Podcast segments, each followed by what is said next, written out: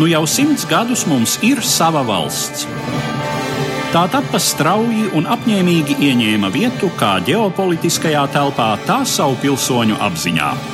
Tā mums bija arī tad, kad pastāvēja vien atmiņās un nākotnes cerībās. Šodien tā ir un paliek atskaites punkts mūsu domām, vārdiem un rīcībai.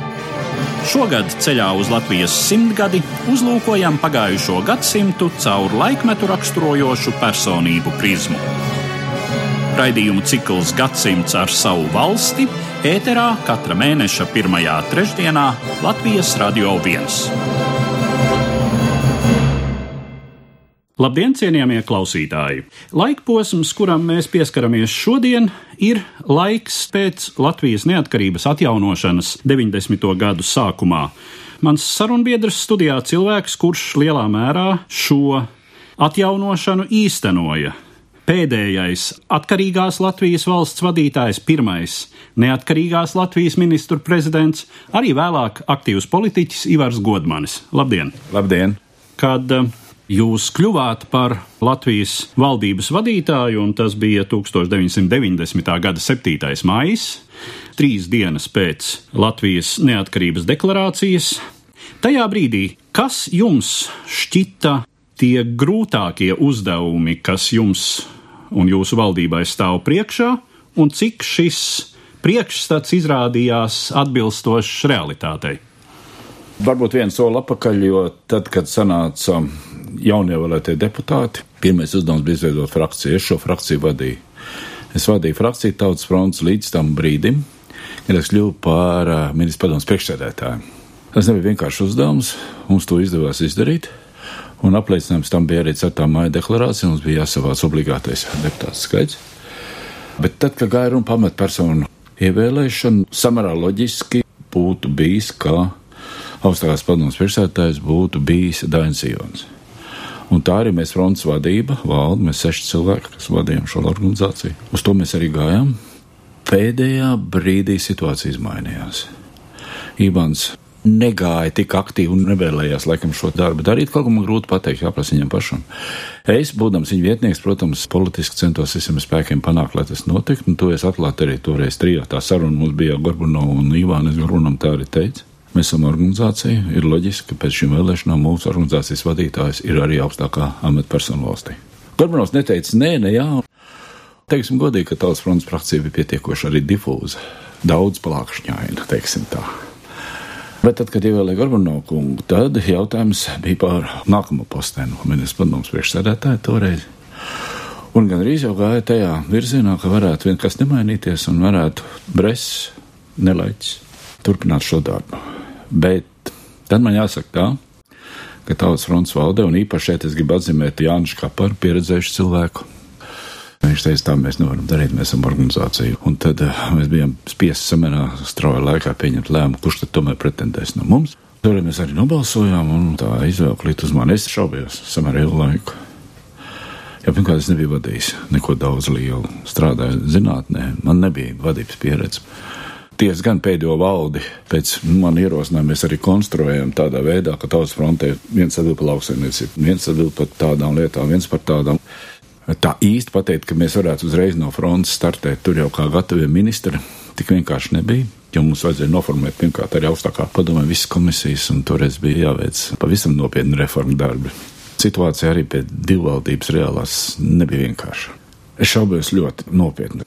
Beig beigās man zināmā mērā izšķīra divi cilvēki. Pirmais bija Viktors Savotiņš, kur es respektēju un cienu visus šos gadu desmitus. No otrs bija mans kalniņš. Ilgi un dikti esam pazīstami. Viņa man teica, nu, tā nevaram darīt. Tas tā nevar būt. Pavisam īsi runājot, es iegāju ministra padomus ēkā tikai ar savu palīdzi. Es ka viņi iet labi, es neesmu viņu saticis. Cielo vilzi mēs iegājām divatā. Mums nebija viena cita cilvēka. Pārējie visi cīnījās augstākā padomē, kur bija interfronta pretīm. Nerunāsim par kompartijas darbību, gan caur interfrontu, gan nē, gan armiju, un pavisam daudz, pavisam nopietnas problēmas valstī. Tas aparāts, kuru jūs tajā brīdī saņēmāt no Latvijas PSR, Cik tas bija lietojams gan cilvēku resursu ziņā, gan organizatoriskās struktūras ziņā? Man jāizteic dziļāk, kā pateicība Mervaldim Ramānam. Tā savadījās, ka es viņu dēlu Guntu Ramānu Mēs kopā mācījāmies gan pirmā vidusskolā, gan fizmatu fakultātē, gan arī strādājām Cietuvas fizikas institūtā. Un caur viņu es iepazinos ar Ramanu Kungu, kas ilgus gadus tā reāli vadīja tautsaimniecību valsts plānu priekšsēdētāja amatā.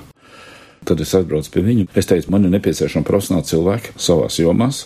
Mēs nepaņēmām tur milzīgs daudzums, tur bija komitejas un ministrijas. Tas nereāli tādu skaitu mēs neuzturējām, bet atsevišķos posteņos es teicu, man vajag ministrus, man vajag cilvēks, kas viennozīmīgi iestājas par Latvijas. Cotā maija deklarācijas par neatkarīgu valsts skaidrs. Kā mēs viņu sasniegsim, tas vēl būs jautājums. Neslēpšu, ka toreiz es arī vēlējos kādu krievu tautības cilvēku, jo mums tauta frontē bija arī krievi, kas arī strādāja tautas fronts grupās un arī atsevišķās ministrijās. Nu, neizdevās man to panākt.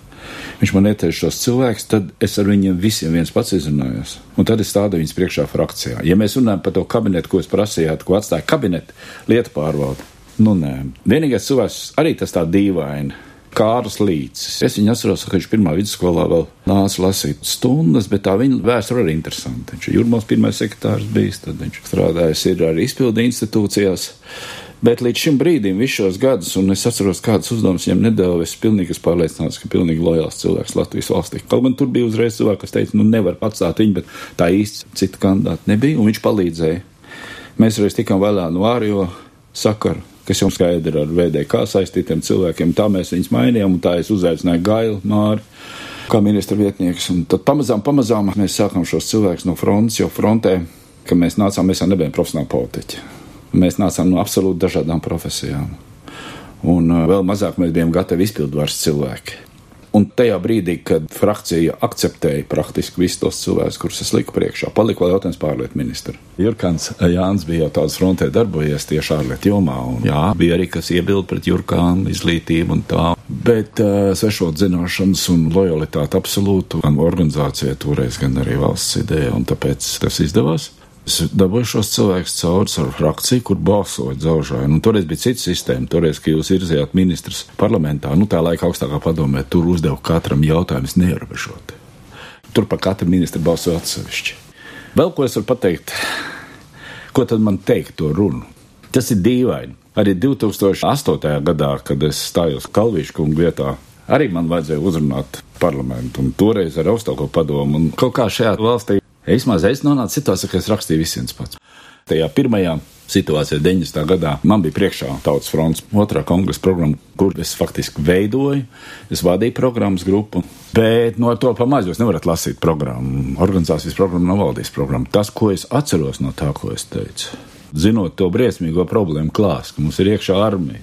Baltijas karaga štābs, visu robežu apsardzīšu štābs ar 250 tūkstošu cilvēku kopumā, ņemot visu pilnīgi neskaidrs situācija ar lieliem uzņēmumiem, kas mums vispār pakļautībā ir 11 tikai es atceros no milzīga skaita pāriem. Mums vispār nepakļaujās neviens direktors.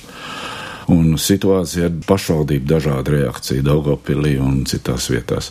Tas, ko es sapratu, un es to arī no sevis ierakstīju, ka es ņēmu Somiju piemēru, ja mēs dalījāmies nost. Un to mēs darām jau otrais vēsturē. Pirmoreiz dalījās nost no cariskās Krievijas Mēs dalāmies no PSRS.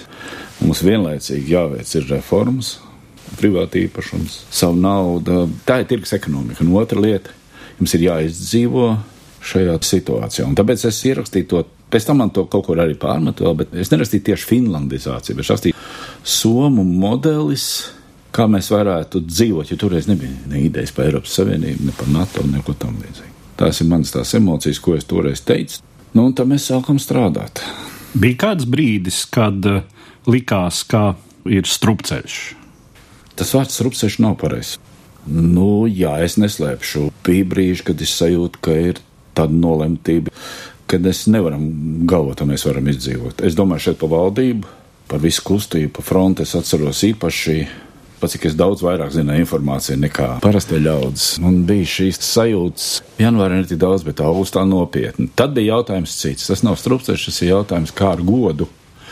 Ja jūs, teiksim, maigi izsakoties, grib iznīcināt arī tādi momenti bijuši. Tad ir jautājums, kā to izdarīt, lai nepazaudētu godu, jo ir pilnīgi skaidrs, ka, ja tur sākās kaut kāda piekāpšanās, vēsturē rakstīt piekāpšanās nekad neko labu nedod. Un tāpēc reāli šīs sajūtas gan man ir bijušas Vēl ir bijušas tādas sajūtas, kas ir ļoti smagas sajūtas, kad valsts vēl nav institucionalizēta, ka vēl nav skaidrā komandu ķēde, kurš ko dara krīzes un visādās provokācijas situācijās. Kā tas bija 90. gados, jums ir jāpieņem vienpersoniski lēmums.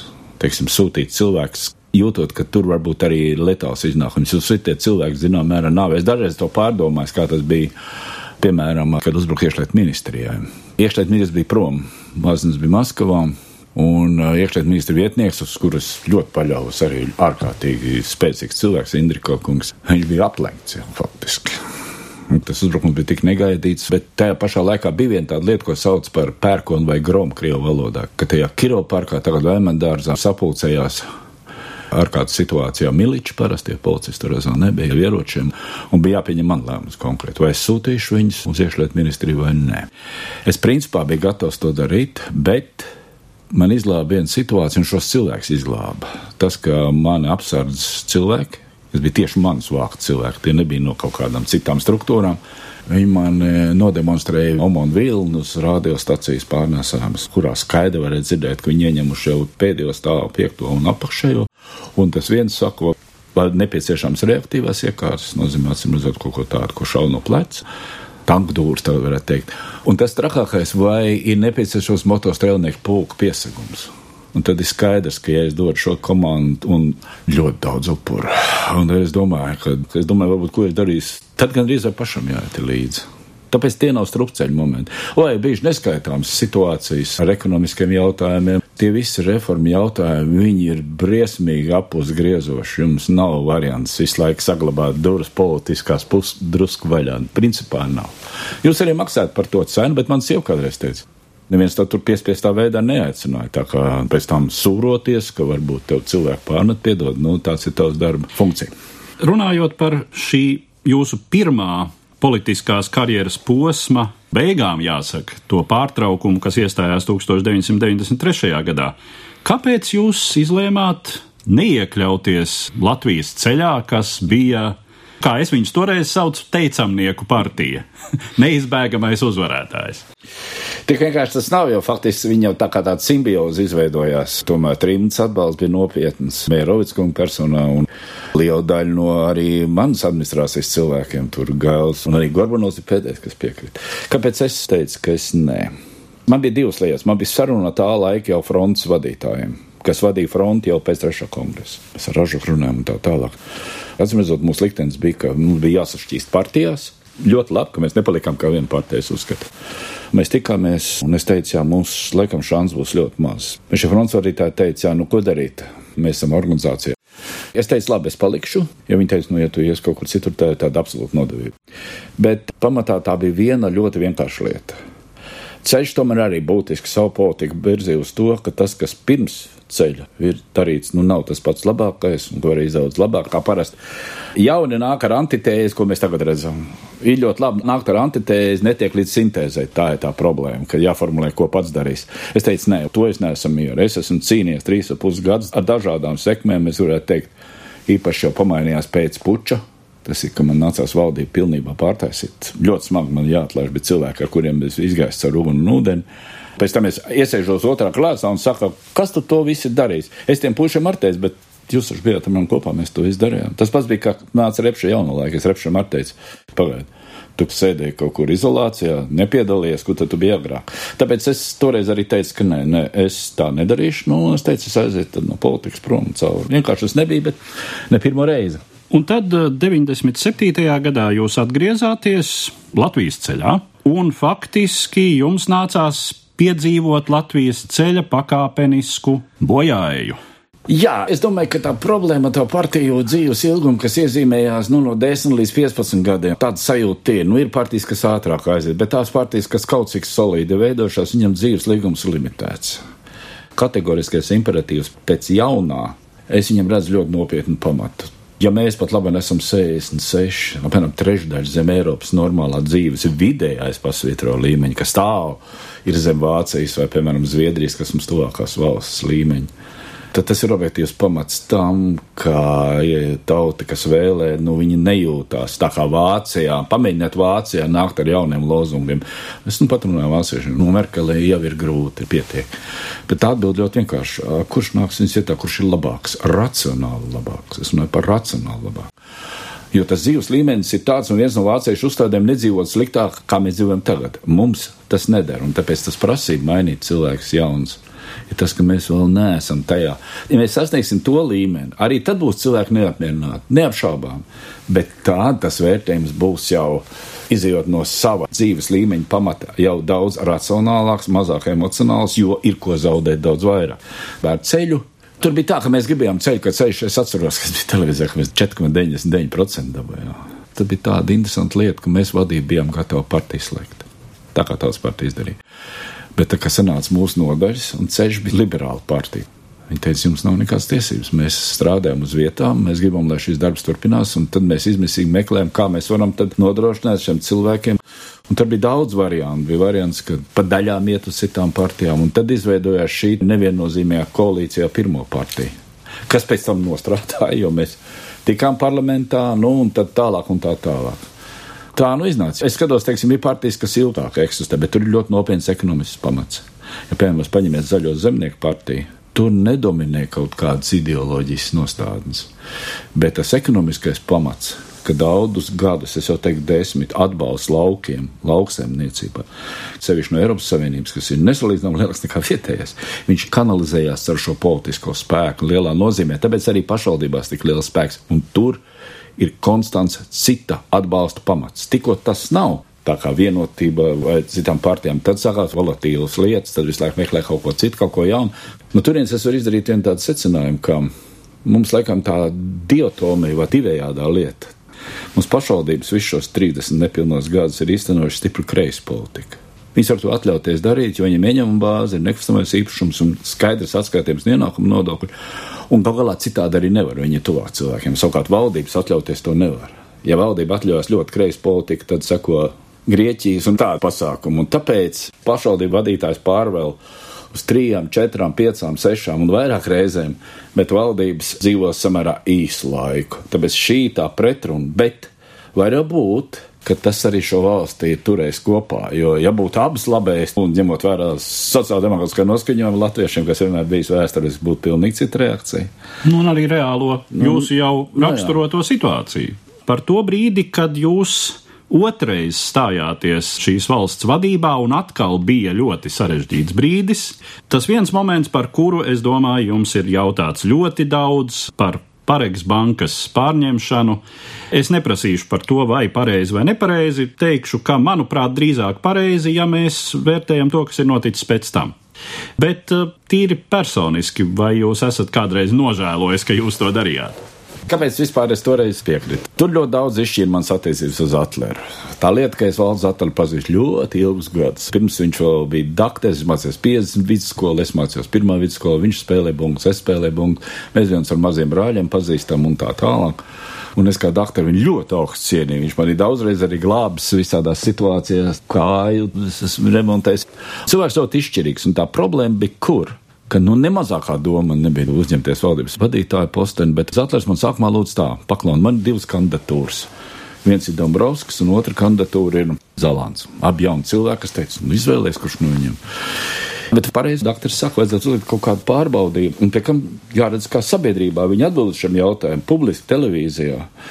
Viņš saka, es no tevis gribētu lūgt, vai tu nevarētu tādu tā kā benchmark uzlikt, salikt tos jautājumus, pieredze tev ir. Faktiski iznāk tāda neliela alternatīva programma, ko vajadzēja darīt ministra prezidentam tajā laikā, jo situācija jau nebija laba, ņemot vērā sabiedrībā visu to situāciju, kā Kalvīts aizgāja. Un kā televīzijā man blakus sabruka pabriks vienkārši. Tad Sipenietis sāk, es teicu, mēs esam valdībā, mums jāturās, mēs nevaram tā. Nu, labi, mums premjers nav, viņš nevar atbildēt, bet tā nevar vienkārši.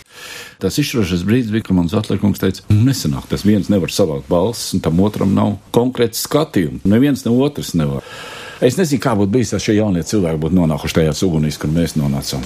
Bet atbildēšu tikai vienu ka pēc tam, kad es uzzināju, kas sāk notikt ar banku, es atklāšu vienu lietu, es aizgāju pie Zotlera. Viņš bija liecinieks. Viņam teica, un tagad mēs degsim zilās ugunīs.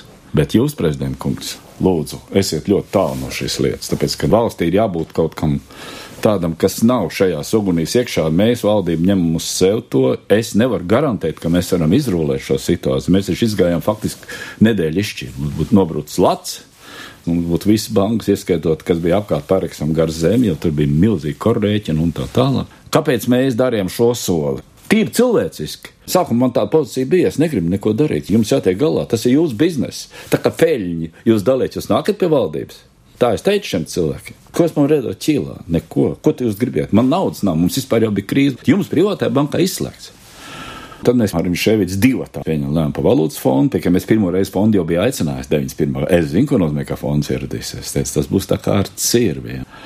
Bet divas lietas man noslēdzās, kāpēc es piekrītu arī bankas prezidentam, ka ir jāglābj banku sistēmu. Pareks un caur viņu arī pārējie, ejot iekšā, ņemam šo banku valsts. Tā bija Eiropas padoma ārkārtas, kur Sarkozī vadīja Merkel, kad krita Lehman Brothers, ka bija teiciens, viss mēs esam viena ģimene, katrs uzņemās atbildi par savām sistēmas bankām. Katrs. Kā mēs tiekam viņam galā, jo mēs nevaram vairāk pieļaut tas, kas notika Amerikā, un katrs to arī darīja. Kam bija valsts bagātāks, tās varēja aizņemties, kas ne mēs gājām iekšā. Tas bija viens, un otrs, kā man teica prokurors, tur bija ierosināta lieta. Man Adler kungs teica, godnikungs, nav svarīgi, jūs uzņematies, tāpēc ir lieta. Jūs nebūtu uzņēmies, arī būtu lieta. Abās situācijās ir lieta. Ja mēs tā mietpilsoniski runājam un nedod Dievs vēl zemākos līmeņos, Tā kas man daļa par tādām bankām, lai viņas tur viss deg zilās ugunīs? Jā, jā, paga, paga, paga. Tā gluži nevar izrādās. Tāpēc arī Merkels ar ko zīmu pārējie gāja arī visu šo ceļu. Es par to samaksāju ļoti. Tas, ko es nevaru piedot atsevišķiem politiskiem cilvēkiem, kas pēc tam nāca, viņi kaut kādā veidā sāka to sajaukt, ka es jau personīgi interesi dēļ to darīju. To es nekad nepiedošu. Tāpēc, Tā nedrīkst darīt, tā mēs nedarījām. Mēs gājām vienkārši, nu, mēs sapratām, ka mēs degsim, bet ka man būtu kaut kāda personīga interese glābt kādu banku, to es viņiem nekad nepiedošu. Viņi to zina. Bet, nu, labi, nu, lai tas paliek uz viņas sirdsapziņas. Mūsu saruna notiek ierakstā līdz ar to tajā brīdī, kad jūs mūs dzirdat Latvijas radio. Tā tad ir trešdiena, dienas vidus. Tieši tajā brīdī notiek interesanta diskusija Latvijas ministru kabinetā. Latvijas premjeru diskusija. Visi šķiet simtprocentīgi nav klāt, bet lielum lielais vairums. Ja jūs raugāties uz saviem kolēģiem, kas faktiski visi ir jūsu pēcnācēji. Nu jā, tā izdāts tīņa kronoloģiskā ziņā. Kurš no viņiem ir veiksmīgākais jūsuprāt? Un ne, tā es jums nekad neatbildēšu. Es domāju, tā, ka katram premjeram ir atvēlēts laika posms, kurā viņš darbojas. Vai nu viņam viņš iekrīt krīzes situācijās, vai nu viņam viņš iekrīt situācijā, kad ir ekonomiska augšupēja, kas pat labi ir.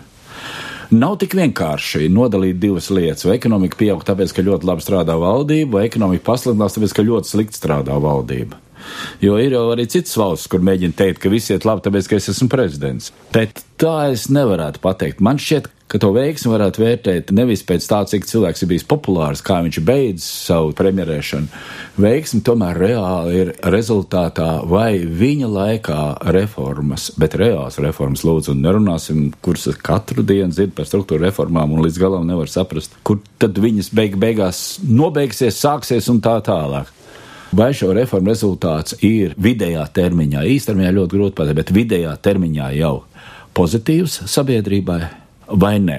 Ja tas ir darīts, un tas ir bijis sāpīgs pasākums, un tas premjerministrs ir samaksājis ar savu politisko reputāciju, karjeru un, un, un diezgan ko.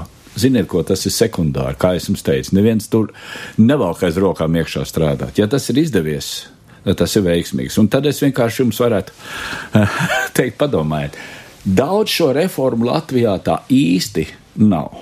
Bet kāpēc par viņiem nerunā? Tāpēc, ka tas, kas izdodas, to cilvēku pieņem kā pašsaprotamu. Tas, kas neizdodas, par to jūs nežēlīgi sodīs konkrētā brīdī un atcerēsies mums ar vēl ilgstoši, ka tas neizdosies. Bet tas, ka viena no šīm premjera absolūtākām funkcijām ir būt zinējspēkam un nevis visu nomest uz ministriem.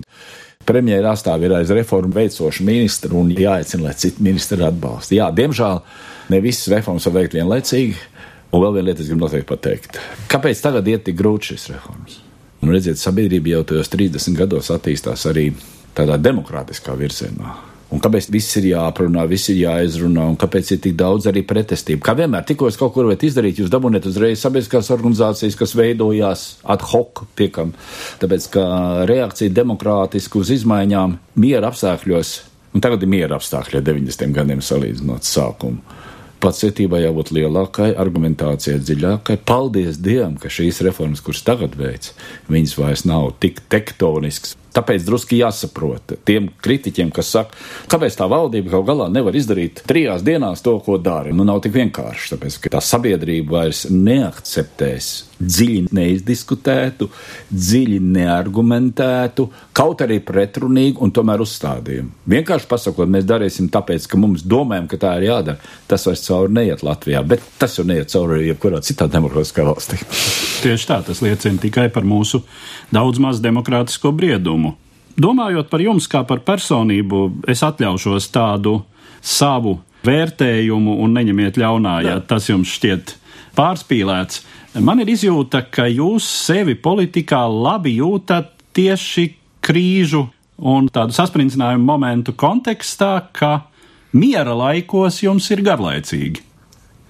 Nē, nē, tā gluži nav. Es domāju, ka drīzāk man liktenis pavērsās, ka man nācās tajos trakajos laikos būt. No manu vecumu cilvēkiem tas arī saprotami kritikas vienmēr saņems vairāk nekā no jauniem cilvēkiem. Tāpēc, ka viena lieta, ka jūs tā filozofiski atbalstiet tirgus ekonomiku, demokrātiju un liberālismu, tikko tas sāks skart jūs personīgi. Pirks ekonomika, kur jums vairs nav garantēta alga, kur jums nav garantēts darbs, kur kolhozā kādreiz strādāja tūkstoši cilvēku, tagad tur var strādāt desmit cilvēki, pietiek ar tehniku tad tas situācija ir nopietnāka. Tad retrospektīvi skatoties, šķiet, ka Kaut kas nav tā. Tāpēc arī es saprotu šo te veco ļaužu, manu vecumu, teiksim, es noskatu pa jaunu cilvēku vairāk. Kritiku viņa ir sāpīga, bet viņa ir objektīva. Es noslēgšu varbūt tādu vienu frāzi, ko es vienmēr savā prātā gribu pateikt sev, ko es arī domāju, kāds ir tas valdības uzdevums. Mums jau faktiski vajag izdarīt tikai it kā vienkārši, bet ļoti sarežģīta lieta. Mums jāpanāk, ka tie, kas nāk pēc mums, mūsu dēli, 40 gadi jau tagad meitas, to mantu viņi tādā mierīgā procesā var radot jau nākamajai mūsu mazbērnu paudzei. Un tas ir labklājības pamats, kas ir jānodrošina politiski, ekonomiski, lai šī pārēja būtu mierīga, jo tikai tā labklājība veidojas. Tas labklājības pamats jau ir tur, ka katrs būvētāji labklājības mājai klāt to savu pienesumu. Nevis katru reizi jauc māju nos un no jauna būvē augšā un tā brīnās, kāpēc man nav tā māja tik skaista, kur blakus ir, kur ir gadu desmitiem un simtiem šis mantojums nodots. Un neiet runa tikai par materiālām lietām, bet arī par garīgām. Tā vieta, kurā mēs esam pat labā, un es ceru, ka mēs šo vietu nezaudēsim un turpināsim attīstīties, mums ir kur iet. Tā ir milzīga starpība. Mūsu motivācijā cilvēkiem ir vēl augšup ejošs vektors, kas Vācijā, piemēram, Zviedrijā, vairs neeksistē. Jo es bieži vien esmu dzirdējis, ka vācu politiķi, sākot jau no kola laikiem, teica, Vācieši mums jādara viss, lai mēs nedzīvotu sliktāk kā šodien. Un Šulcs, ka viņš pretendēja uz kancleru, viņš taču visu laiku teica, Cienījamie vācieši, jau sociāldemokrātiem jānāk valdībā, tāpēc, ka nu jau ir pirmā pauze, kas dzīvos sliktāk nekā iepriekšējā. Cik viņš bija objektīvs, to ir grūti pateikt. Bet redziet, tās ir dažādas motivācijas cilvēkiem. Un mums šī motivācija ir vēl augšu pejoša. Mums vairs nav pietura. Tas ir traģiski, jo jūs gribat motivēt cilvēkus. Agrāk mēs motivējām, iestāsimies Eiropas Savienībā, esam NATO. Tur jūs ejat pa ceļu, jums ir pietura. Šeit jums vairs nav pietura. Un tas ir ļoti grūti, jo jūs nevarat pateikt, cik ilgi jāiet līdz nākamajai pieturē. Un tagad jūs sākat teikt, ka vēl 30% jāpieliek labklājību klāt, ka būs Eiropas vidējais. Ziniet, kāds jūs atbildes dabūniet? Daļa cilvēku saka, Vienalga, tas būs tikai dažiem. Vidējā temperatūra slimnīcā uz mani nestrādā. Es nedabūšu to līmeni. Cits saka, es jau tagad dzīvoju augstāk kā Eiropas vidējais. Ko jūs gribat, lai es jau strādāju? Šīs situācijas nav vienkāršas. Viņas ir ne tikai valdības uzdevums. Lenīkoks, tas ir arī radio, televīzijas, mūsu inteliģences jautājumi. Jo jāmotivē sevi, tikai caur sevis motivāciju var motivēt citus. Un ne ar vienkāršām metodēm. Nav vairs pietur, kuras var parādīt. Es tomēr gribu uzdot vēl vienu finālu jautājumu. Ir kaut kāda iespēja, ka godmanis nāks trešo reizi? Nē, kategoriski nē. Redziet, viena lieta ir ļoti mānīga. Tā pieredze, ko jūs ieguvāt desmit gadus atpakaļ, piecus gadus atpakaļ, pat 3, 4 gadus atpakaļ. Jums sāk šķist, ka jūs esat tik pieredzējis cilvēks, un tie, kas tagad ir pie varas, nu nav viņiem tā pieredze, tāpēc mēs tagad iesim viņu vietā, un mēs ar mūsu pieredzi tulīt uh, pavainīsim lietas uz labo pusi. Tā ir ļoti klūdena koncepcija. Tāpēc, ka tā pieredze ir iegūta citos laikos. Tāpēc tas klasiskais karaklīte teiciens, ka nevar iekāpt upē divreiz, šeit pat ir jāpastiprina, ka atkal atgriešanās nenāks par labu attīstībai. Jāmeklē cilvēki, konkrētam laikam, un šajā laikā, kas viņam ir atvēlēts, jā, politisku apstākļu dēļ, viņam jāizpilda maksimāls savs darbs. Nē, ja mēs dzīvosim 120%, nu 100, 120% no Eiropas vidējā dzīves līmeņa, tad tā situācija vēl ir iespējama šāda tā, nu, fluktuācija. Es tur, opozīcija, pozīcija, stop, mēs jau tur neesam. Un kaimiņi 10% mums priekšā. Un tas nu, ir nopietns. Mums tāds nu, noķersim Igaunijas. Bet nu, man jāsaka, ka nu, Igaunijiem priekšā ir lietuvieši pa 1-2%. Nu, jau jāķer ir tie. Tas ir katram savs laiks. Un izdara to maksimāli. Nevis domā, ka tev būs otro, trešo, ceturto reizi jāiet, un tad tu tur sāks kaut ko labi. Tam es nepiekrītu. Līdz ar to es saku paldies par šo sarunu. Paldies, Liņķis. Paldies, paldies Godmans. Gadsimts ar savu valsti skatīts caur laikmetu raksturojošu personību prizmu. Latvijas simtgades programmas raidījumu cikls ēterā katra mēneša pirmajā trešdienā Latvijas Radio 1.